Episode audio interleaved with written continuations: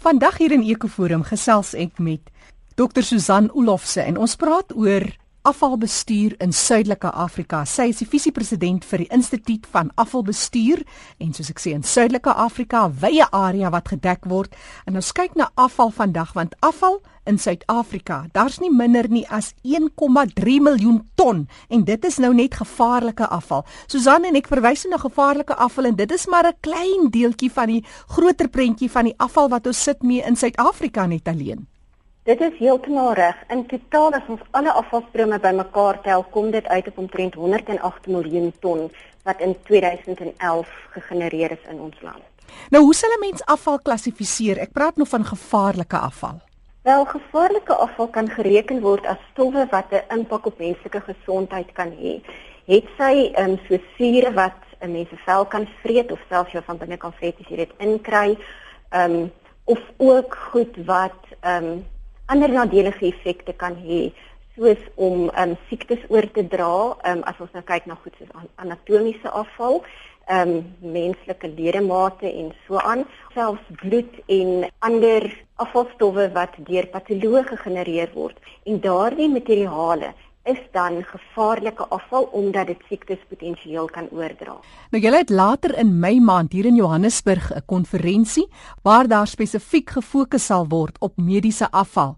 Maar as 'n mens kyk na gevaarlike afval, wat van goed wat byvoorbeeld brand, vure kan veroorsaak? Sulke tipe ehm um, stowwe is ook gevaarlike afval as hulle plofbaar is of ehm um, chemiese stowwe wat byvoorbeeld met mekaar kan reageer om dan 'n um, negatiewe impak op die omgewing te hê, word ook gereken as gevaarlike afval. Om die waarheid te sê, eintlik enige nywerheidsafval word as gevaarlik geag tot tyd en wyl dit getoets is en die teendeel bewys kan word dat daar geen ehm um, gevaarlike stowwe in is wat 'n negatiewe omgewingsimpak kan veroorsaak nie. Nou jy het genoem van hierdie miljoene tonne afval. 47 miljoen ton is van die afval wat eers moet geklassifiseer word. Vertel ons 'n bietjie meer oor hoe jy afval bestuur.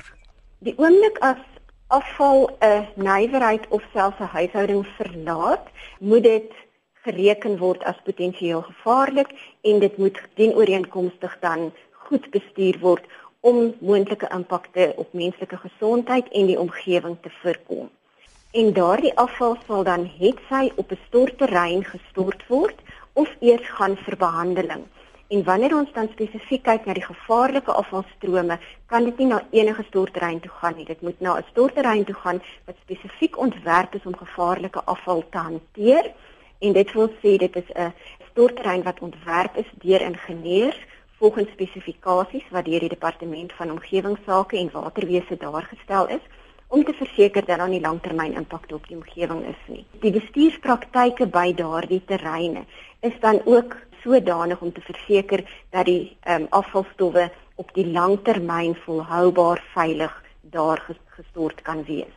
Baie afvalstowwe het eers behandeling nodig alvorens dit gestort kan word en die behandeling wat toegepas word is dan hoofsaaklik om die afval se vlak van gevaar te verminder ehm um, sodat dit ook dan minder reaktief is wanneer dit in die omgewing ehm um, in 'n stortterrein ehm um, gestort word. Ehm um, daar is ook spesifieke regulasies as ons spesifiek kyk na mediese afval wat sê dat ehm um, anatomiese afval, so afval wat nou spesifiek verwys na ehm um, menslike liggaamsdele, dat daardie afval totaal onherkenbaar moet wees. En tipies sal dit beteken dat sodanige afval by 'n verbrandingsaanleg verbrand word dat dit net as is wat gestort moet word. So daar is baie spesifieke regulasies in plek om seker te maak dat mense en afval sover as moontlik van mekaar verwyder word sodat die impakte goed bestuur kan word. Ongelukkig is leef ons nie in 'n utopia nie. Daar is nog baie probleme met afvalbestuur, maar oor die afgelope paar jaar is daar goeie vordering gemaak. Vertel my, wat gebeur met die afval van afval? Word mens so uiteindelik ook maar 'n klomp van hierdie tipe stowwe? Daardie stowwe word ook op stortterreine gestort, maar dan ook weer onder spesifieke beheerde toestande. Die as wat op die stortterrein gestort word, gaan nie noodwendig heel bo op lê nie. Ons gaan eers 'n sloot grawe en die afval dan in die sloot gestort word en dit word dan toegemaak. En as dit nodig is, dan sal daar ook eers kalkboel oorgestrooi word om seker te maak dat dit neutraal is en nie 'n negatiewe impak kan hê nie. Maar wanneer afval dan nou in 'n stortterrein is, is daar ook maar omgewingsimpakke waarvoor 'n mens moet uitkyk. Mense wil nie graag stowwe hê wat in die atmosfeer vrygestel word nie. Ehm um, tipies sal dit goed wees soos metaan of ander wat ons noem ehm um, stortterreingasse, maar dit is maar meestal metaan en CO2. Ehm um, maar metaan is 'n baie slegte kweekhuisgas wat 21 um, keer meer skadelik is as CO2. So mense wil probeer om ehm um, die gasse van 'n stortterrein af te beheer en te bestuur. En dan is daar ook die potensiaal vir loog om te vorm en dit is nou tipies as dit gereën het, um, is daar meer vog wat in 'n stortterrein versamel en op 'n stadium gaan daardie vog aan die onderkant uitloop en dit moet ook dan onder beheerde toestande um, opgevang word en eers behandel word alvorens dit dan in die natuur vrygestel kan word. Susan ek het eendag gehoor dat mense wat byvoorbeeld sterf, se liggame kan in 'n soutoplossing heeltemal tot 'n baie vrugbare stof verwerk word. Hierdie tipe stof kan weer teruggeploeg word in die grond in en dit is baie soos ek sê baie vrugbaar. Wat is van die interessanthede van afval en die verwerking wat deurkom na aanleiding van navorsing wêreldwyd? Daar is baie interessante nuwe tegnologieë, um, maar min van daardie tegnologieë is nog tot op stadium getoets dat dit prakties op groot skaal toegepas kan word. Tipiese tegnologie wat ons tans gebruik vir gewone munisipale afval is nog hoofsaaklik om dit op 'n stortterrein te stort. Ehm um, daar is al gevalle waar die gasse van die stortterrein dan herwin word om elektrisiteit mee te vervaardig en dit gebeur prakties in Durban alreeds.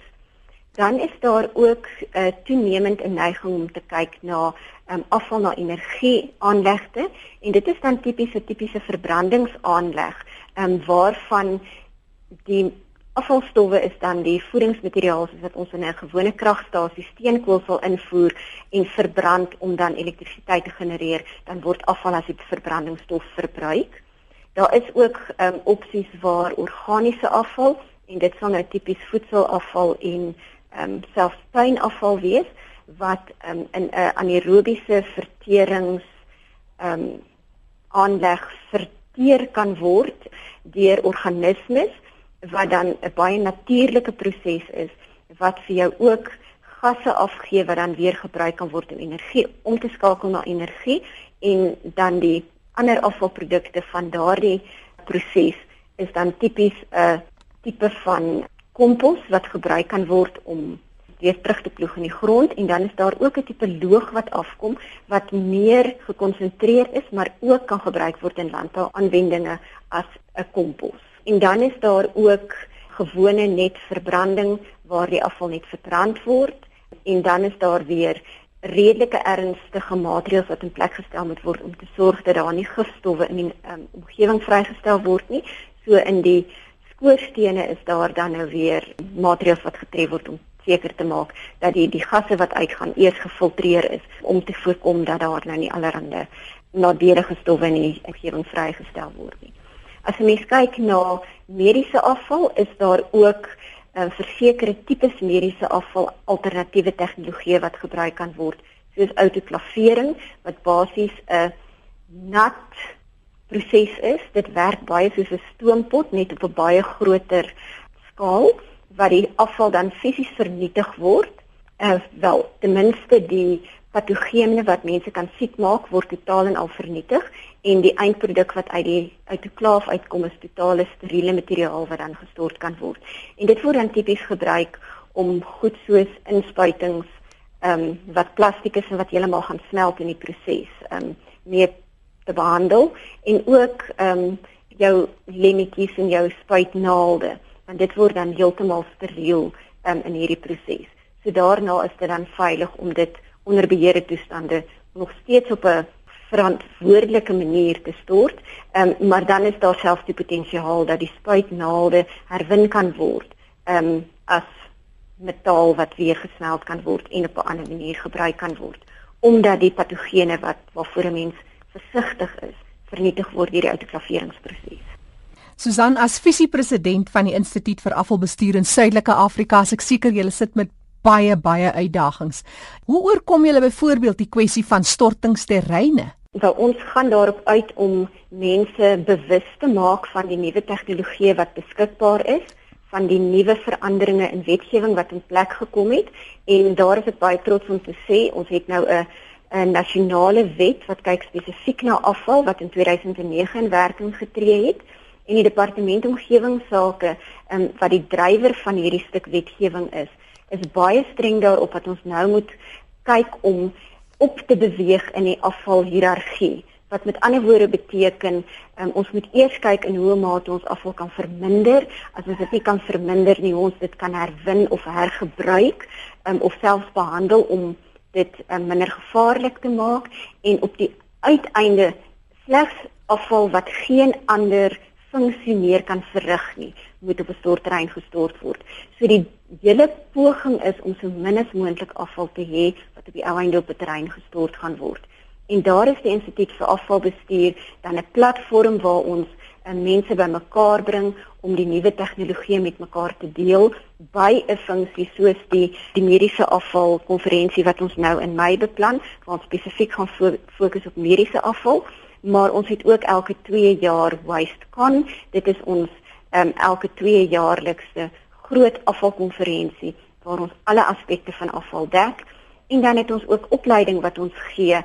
Um, ons het geakkrediteerde kursusse en ongeakkrediteerde kursusse wat kort kursusse is um, om mense bloot te stel aan die basiese konsepte van afvalbestuur um, wat moet 'n mens doen wat is die wetgewing waarna moet jy uitkyk en dan wat is die beste praktyke so van die instituut vir afvalbestuur se kant probeer ons om die bewustheid um, te skep en om die opleiding te gee sodat ons verbeterde afvalbestuur te um, in die land kan kry So gesels Dr. Susan Olofse. Sy is die visiepresident vir die Instituut van Afvalbestuur in Suidelike Afrika.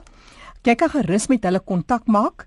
Gail Smit is die persoon. Hulle nommer hier in Johannesburg is 011 675 3462. Ek herhaal 011 675 3462 of gemaak 'n draai op die webtuiste by www en sy het vroeër vir my gesê sy sê dit liewer in Engels, dit vloei net beter. Dis I W M S A en dit staan vir Institute of Waste Management South Africa. Dis I W M S A.co.za.